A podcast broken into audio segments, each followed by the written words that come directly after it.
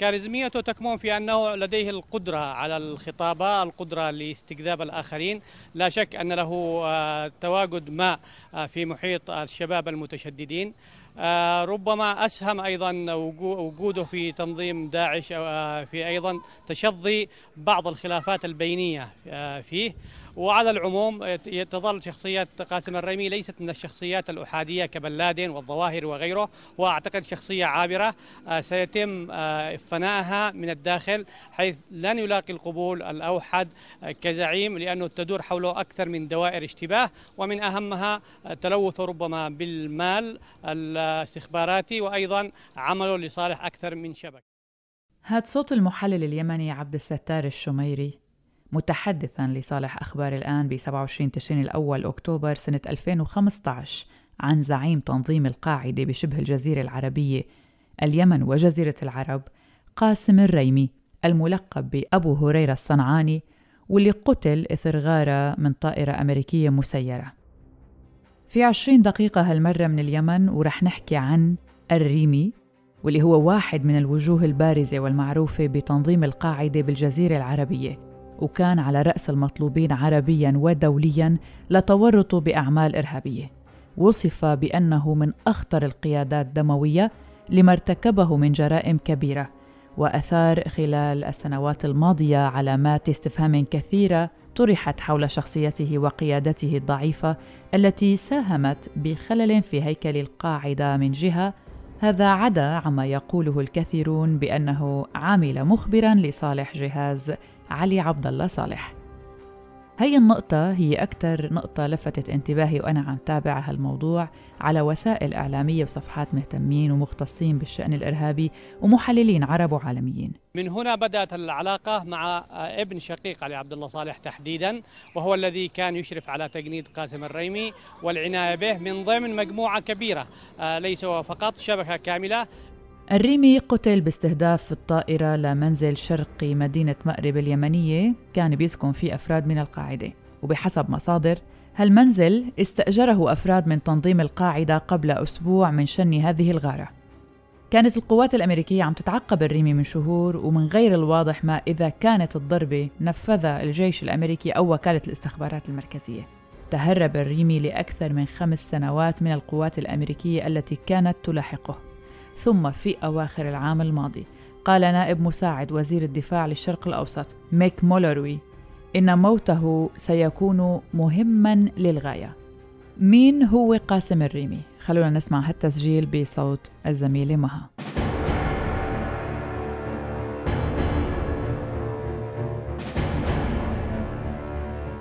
اسمه الحقيقي قاسم عبد محمد أبكر.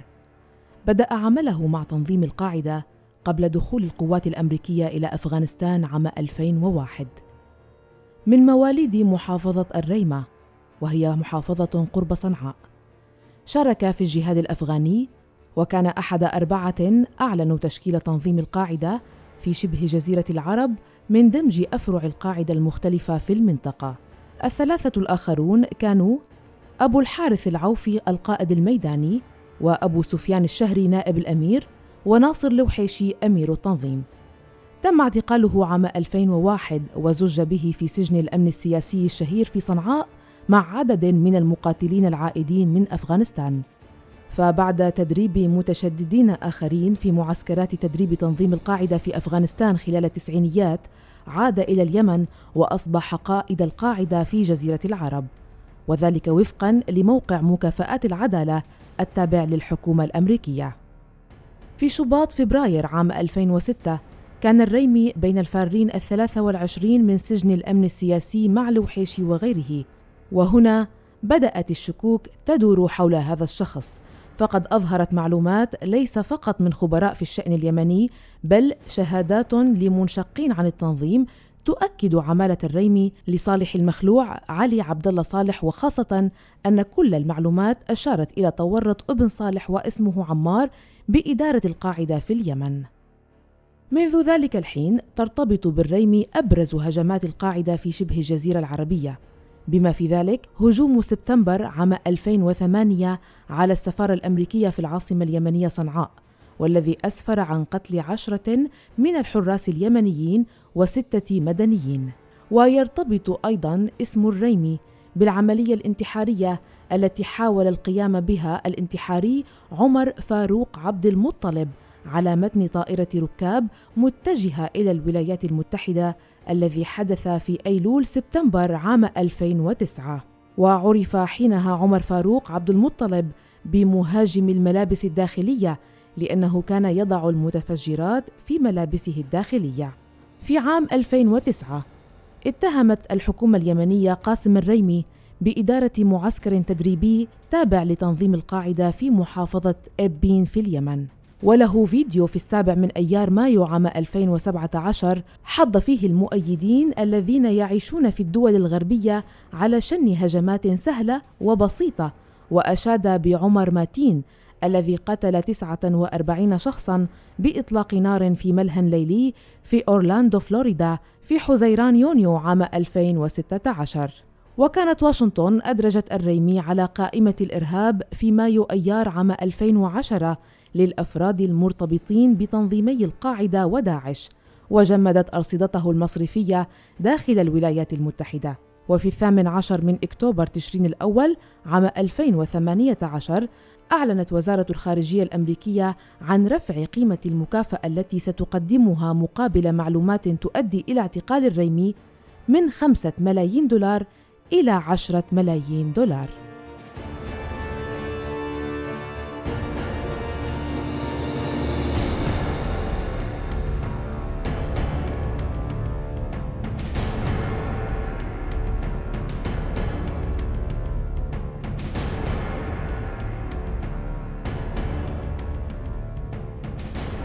في 16 يونيو حزيران 2015 أصبح الريمي قائد تنظيم القاعدة في جزيرة العرب خلفا لناصر لوحيشي الذي قتل بغارة لطائرة بدون طيار في مدينة المكلا عاصمة محافظة حضرموت شرق اليمن.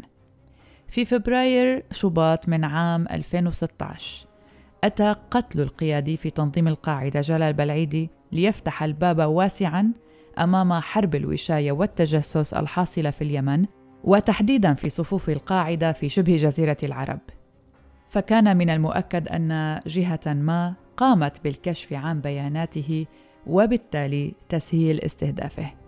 يوم رسمت علامات استفهام كثيرة حول قاسم الريمي ودوره في قتل بلعيدي وقبله زعيم القاعدة في جزيرة العرب ناصر الوحيشي الذي قتل أيضا في ظروف غامضة ليتربع الريمي على رأس التنظيم قائدا ضعيفا غير فعال أداته الوحيدة هي القضاء على أي منافس محتمل. والأهم من ذلك أنه محارب من داخل التنظيم نفسه. نيويورك تايمز نقلت عن مصادرها أنه مخبر ساعد الأمريكيين بتحديد موقع الريمي بشهر نوفمبر تشرين الثاني الماضي. ومن هذاك الوقت وهن عم يتعقبوا حتى قتلوا بواسطة الطائرة المسيرة شهر يناير كانون الثاني الماضي. قتل الريمي حمل تداعيات وانعكاسات عدة على التنظيم على مستوى الاستمرار بأنشطته الإرهابية وقدرته على تجنيد العناصر وإيجاد بيئة حاضنة. قبل ما نكمل بالتفاصيل رح نتوقف شوي عند أبرز التعليقات على قتل قاسم الريمي زعيم تنظيم القاعدة في الجزيرة العربية بصوت الزميلة مها فطوم. اعتبر مغردون أن قتل الريمي شكل نقطة فاصلة في تاريخ القاعدة. مؤكدين في الوقت ذاته أن قتله يدلل بشكل واضح على أفول التنظيم في تلك المنطقة. وفرضت ظروف قتل الريمي نفسها على مواقع التواصل الاجتماعي. فالبعض اعتبر مقتله دليلا على وجود خلافات تنهش بجسد القاعدة. فيما أكد آخرون أن قتله يشير بشكل جلي إلى وجود وشاية وربما صراع على تقاسم السلطة بين أفراد التنظيم. وذكرت صحيفه نيويورك تايمز أن ثلاثة مسؤولين في الولايات المتحدة عبروا عن ثقتهم بأن قاسم الريمي قتل في الغارة على الرغم من عدم وجود تأكيد رسمي. المحلل السياسي اليمني عبد الملك اليوسفي أوضح في لقاء خاص مع أخبار الآن أن تنظيم القاعدة في اليمن وبعد مقتل زعيمه قاسم الريمي تراجع في الوقت الحالي مقارنة بالفترة التي سبقت بداية عاصفة الحزم وأشار اليوسفي إلى أن العمليات العسكرية لقوات التحالف العربي كبدت القاعدة خسائر كبيرة وحولتها إلى خلايا نائمة لا تتمتع بأي نفوذ في المناطق التي كانت تنشط فيها. عندما نتحدث عن تداعيات مقتل قاسم الريمي أو ما يسمونه أبو هريرة الصنعاني آه، هناك أبعاد تنظيمية لها علاقة بتنظيم القاعدة. ولا بد أن نعرف الخلفية التي وصلت وصل إليها تنظيم القاعدة في المرحلة الحالية. يعني قبل ثلاث أو أربع سنوات كان تنظيم القاعدة يحظى بنفوذ معين في مناطق في شبوة وفي أبين وفي حضرموت وكان في إبان انطلاق عاصفة الحزم. يكاد يكون ماسك تلابيب الأمور في المكلا كاملة إلا أنه الحرب التي أعلنها التحالف العربي والعمليات النوعية التي كانت يقوم بها النخبة الشبانية والنخبة الحضرمية. والحزام الأمني في أبين والنخبة في أبين كبدت القاعدة خسائر كبيرة وأصبحت القاعدة عبارة عن أوكار وخلايا نائمه لا تتمتع بأي نفوذ في مناطق نفوذها وأصبحت آه، تعاني من اختلال تنظيمي كبير. هناك تبعات الآن تتولد على تنظيم القاعدة بعد مقتل قاسم الريمي الهالك قاسم الريمي. هو غياب شخصية جامعة من الشخصيات اليمنية الموجودة التي يمكن أن يعول عليها. عليها من قبل التنظيم لتجمع شتات التنظيم. وبالتالي أعتقد إنه التنظيم سيعاني الكثير في هذه المرحلة. من شتات تنظيمي سيكون له انعكاساته على الجانب المؤدلج من التنظيم اللي هم الذين عادوا من أفغانستان يحملون الفكر الإرهابي المتطرف. هذه الأمور كلها ستكون لها أثر كبير على التنظيم إلا أنه هنالك بعد سياسي للموضوع في ظل غياب التنظيم الحقيقي الذي يحمل الفكر الإرهابي المؤدلج. الخوف أن يصبح التنظيم عبارة عن راية آه، تستخدمها بعض الجهات السياسية لتوظيفها كشماعة لممارسة الإرهاب باسم القاعدة.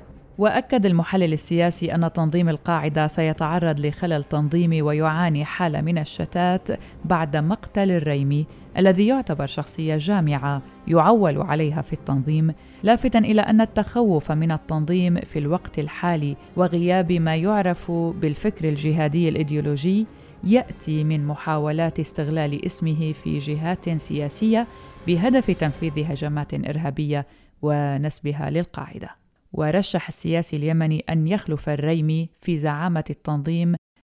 هناك معلومات يعني آه، ربما يكون آه، سعيد باطرفي آه، واحد من الشخصيات المرشحة لتحل محل محل الريمي. كونه الأكثر نفوذا هو هو سعودي من أصل حضرمي خصوصا بعد التضييق الذي حصل على تنظيم القاعدة من من القوة أو القبضه الممتازة من من اجهزه الأمن والنجاحات الغير مسبوقة للأجهزة الأمنية السعودية في مكافحة القاعدة. آه، كان قاسم الريمي تبنى مبادرة إنشاء تنظيم موحد لتنظيم القاعدة في اليمن والسعودية كان بقيادته وبنياب وينوبه في ذلك سعيد الشهري. آه، ربما يكون سعيد الشهري أيضا من الشخصيات المرشحة لكن المسألة هذه تكون عندما يكون هنالك موطئ نفوذ موطئ قدم للتنظيم لكن الآن التنظيم يعيش حالة شتات التنظيم يعيش حالة هزيمة غير مسبوقة أصبح كالأشباح عبارة عن خلايا نائمة هنا وهنا لا تستطيع أن تتحرك أو آه، تلوم شتاتها. اعتبر اليوسفي أن فرضية النفوذ والتنقل لتنظيم القاعدة وعناصرها غير واقعية في الوقت الحالي خصوصا بعد تكشف الوجه الحقيقي للتنظيم وذلك مقارنة بالفترة التي كان يتزعم القاعدة أسامة بن لادن الذي اعتمد على الفكر الأيديولوجي والديني في إيجاد البيئات الحاضنة. وعرج المحلل السياسي اليمني على التقاطعات التي رسمت العلاقة بين تنظيم القاعدة والميليشيات الحوثية وفقا للمعلومات الاستخباراتية الأمريكية. إن الطرفين كانا نسقا فيما بينهما لتنظيم هجمات إرهابية. مبدئيا خلينا نتكلم على التقاطعات الموجودة بين الميليشيا الحوثية والقاعدة. يعني كان هناك تغير كبير في الموقف الأمريكي من الميليشيا الحوثية خلال هذا العام. ذكرت في كثير من اللقاءات التلفزيونية من ضمنها معكم في قناة الآن أنه آه، وصلت معلومات استخباراتية للأمريكيين عن لقاءات بين تنظيم القاعدة. كان هذا المسألة في البيضاء مع الحوثيين وتم التنسيق لمواجهة القوات الحكومية وكان هنالك جبهات مفتوحة ما زالت إلى الآن. هل دفع الريمي ثمن تاريخه الزاخر بالوشايات والتجسس؟ وشو هي العوامل اللي توحي بهالشي؟ مديرية وادي عبيدة معروفة بأن معقل قديم لأفراد تنظيم القاعدة. فهل تم استدراج الريمي إلى المنطقة والتخلص منه؟ ثم استهداف دقيق كمقتل الريمي وإن تأكد رسميا لا يمكن أن يتم بهذه الدقة من دون حيثيات تكشف المكان والزمان. فضيحة من كان الريمي هذه المرة؟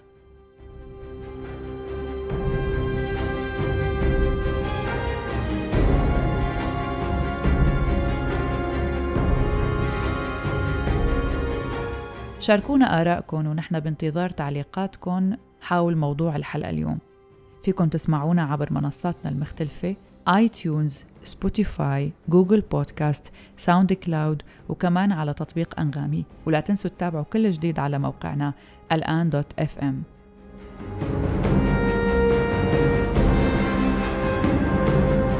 شكرا لحسن المتابعة وإلى اللقاء.